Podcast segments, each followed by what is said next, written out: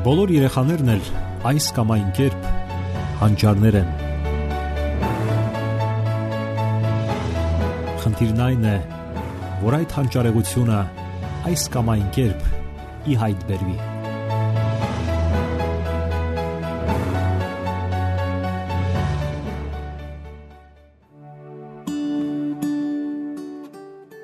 Բարև ձեզ, սիրելի ռադիո լսողներ։ Եթերում դասյարակություն հաղորդաշարն է։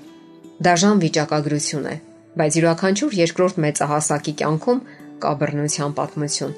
որ տեղի է ունեցել մանուկ հասակում։ Սակայն այդ մասին ոչ ոք չի բարձրաձայնում, թերևս միայն ամենամտերիմներին,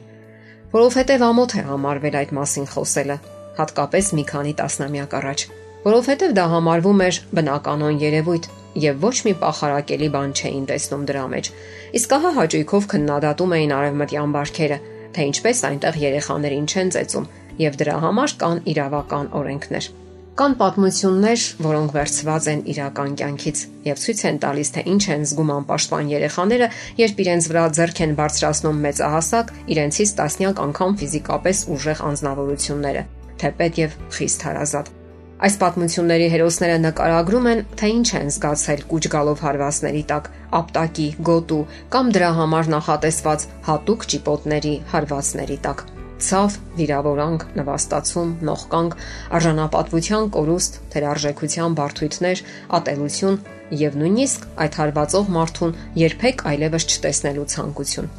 Եվ այսպես տեսնենք, թե ինչ են պատմում մեր հերոսները։ Ես սկծկվում էի հարվածի տակ Ինձ ծեծում էր իմ խորթ հայրը, այն էլ գոտիով։ Իսկ գոտին լայն էր ու հաստ, կաշվից։ Ծեծում էր հնարավոր ամեն առիթով։ Ասենք ուշ եմ գալիս տուն, մի 5 րոպե։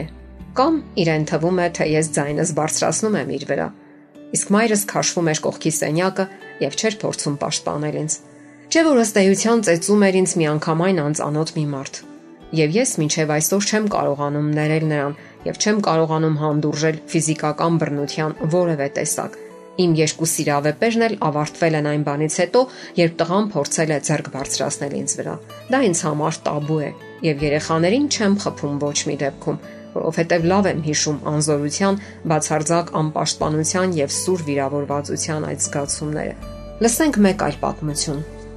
Ամուսնոս դասյարակել են խիստ հնազանդության մեջ։ Յուրաքանչյուր վրիպմանը հետևում էր հատուցումը. Կամ ֆիզիկական բռնություն կամ քար լռություն։ Ցավոք, այժմ երբ մենք երեխաներ ունենք, նա հետևում է դասերակցական այդ այսպես կոչված մեթոդներին։ Նա պահանջում է համապարփակ հնազանդություն մեր 5-ամյա աղջնակից։ Ինչպես բանակում, Երբ ես փորձում եմ պաշտպանել երեխային, ինձ էլ է փորձում հարվածել։ Չի ցանկանում կարդալ որևէ նյութ դասերակցության մասին եւ ասում է, որ ինքը ամեն ինչ հիանալի գիտի։ Ցավոք այդպիսի պատմությունները նորություն չեն, երբ ծնողները համարում են, որ ամեն ինչ գիտեն եւ չեն էլ փորձում սովորել մանկական դասերակցության տարական կանոնները։ Մեկ այլ պատմություն։ Մանուկ հասակում ինձ ասում էին. Դու ինքդ էլ գիտես, որ մեղավոր ես։ Գնա եւ բեր գոտին եւ հանգիստ կանգնիր։ Իսկ ես ընդամենը 12-13 տարեկան էի։ Ահա թե ինչու ես այսօր դա համարում եմ բացահայտ նվաստացման օրինակ եւ իշխանության ցուցադրում։ Դժվարությամբ եմ ազատվել տհաճ հիշողություններից եւ մինչեւ հիմա մնում են հոգեբանական ցավոտ հետքերը։ Իսկ այս մեկը 40-ամյա տղամարդու հիշողություններից։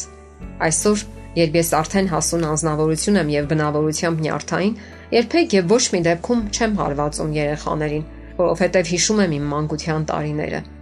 Ինձ խփում էին։ Դա համարում էին դասերակցական եղանակ։ Սակայն ես ամոթով եմ հիշում, եւ ինձ մոտ մնացել են միայն ցավի, ստորացման ու նվաստացման հիշողությունները։ Ես այն կարծիքին չեմ, որ որոշ ճշմարտություններ երեխայի գլուխը հարկավոր է մտցնել այդ ձևով։ Կան շատ այլ քաղաքակիրթ եւ ազդու միջոցներ, քան այն, երբ երեխան կուչ է գալիս մեծահասակի ձեռքերի տակ։ Նկատենք, որ ծնողները սովորաբար խփում են երեխային այն դեպքերում, երբ իրենց էլ են այդ ձևով դասերակել Դա փոխանցվում է սերնդեսերունդ եւ դաստիարակության այլ մեթոդ, քան հարվածելն է, նրանք համարյա թե չգիտեն։ Եվ այսպես, ինչ անել։ Միանշանակ է ավելի շատ ժամանակ անցկасնել երեխաների հետ։ Երեխային խփում են նաև այն դեպքերում, երբ ցանկանում են միանգամից եւ առանց ջանքերի տեղ հասցնել ասելիքը, երբ մտածում են, թե ժամանակ չունեն։ կամ որ երեխան միայն այդ ձևով կարող է հասկանալ։ Ահա թե ինչու հարկավոր է ավելի շատ ներթափանցել նրանց աշխարհը, ապրել նրանց կյանքով։ Երեխաները շատ ասելիք ունեն։ Չպետք է անտեսել նրանց հուզական ու մտավոր աշխարհը։ Հարկավոր է հետաքրքրվել նրանց հաջողություններով։ Հասկացեք, թե ինչ հետաքրքրություններ եւ նախասիրություններ ունեն երեխաները, ինչ հիմնախնդիրներ։ Նրանց էլ են շատ հարցեր հետաքրքրում կարող եք կազմակերպել ընտանեկան զբոսախնջույքներ, զբոսանքներ, ընտանեկան հավաքներ եւ էքսկուրսիաներ։ Եվ թող դրանք լինեն կանոնավոր։ Այդ ընթացքում էլ երեխաներն իհարկե կարող են անել այն, ինչը դուք սխալ եք համարում, սակայն բարեկամական, հաճելի մտնոլորտում ամեն ինչ այլ կերպ է դիտվում։ Եվ վերջապես հարկավոր է պատկերացնել, որ ձեռք բարձրացնելը երբեք էլ լավագույն տարբերակը չէ։ Ասենք որ որոշ հասարակություններում մարմնական պատիժը համարվում է անցյալի մնացուկ եւ վկայում է այն կիրառող ծնողների ինտելեկտուալ եւ բարոյական ցածր մակարդակի մասին։ Անհնազանդ երեխաներին կարելի է պատժել զրկելով սիրելի բաներից, ասենք քաղցրավենիքներից, խաղալիքներից, ընդ որում բացատրելով, թե ինչի համար է դա արվում։ Ցանկացած պատիժ պետք է ուղեկցվի դրա դրթապաճառների մանրամասն բացատրությամբ։ Այսպիսի մոտեցումը Առաջին հայացքից գուցե թվա թե արդյունավետ չէ եւ կարող է հանգեցնել ամենաթողտվության։ Սակայն իրականում այս եղանակը կարգապահության է ենթարկում թե երեխաներին եւ թե ծնողներին։ Այս վերջինը կարող է նույնիսկ տարօրինակ թվալ։ Սակայն այս դեպքում ծնողն ինքն էլ է սովորում, որ ձեռքով չպետք է խոսի երեխայի հետ, հատկապես որ որոշ ծնողների մոտ դա դառնում է սովորություն եւ երեխային պարզապես իրենից վանելու միջոց։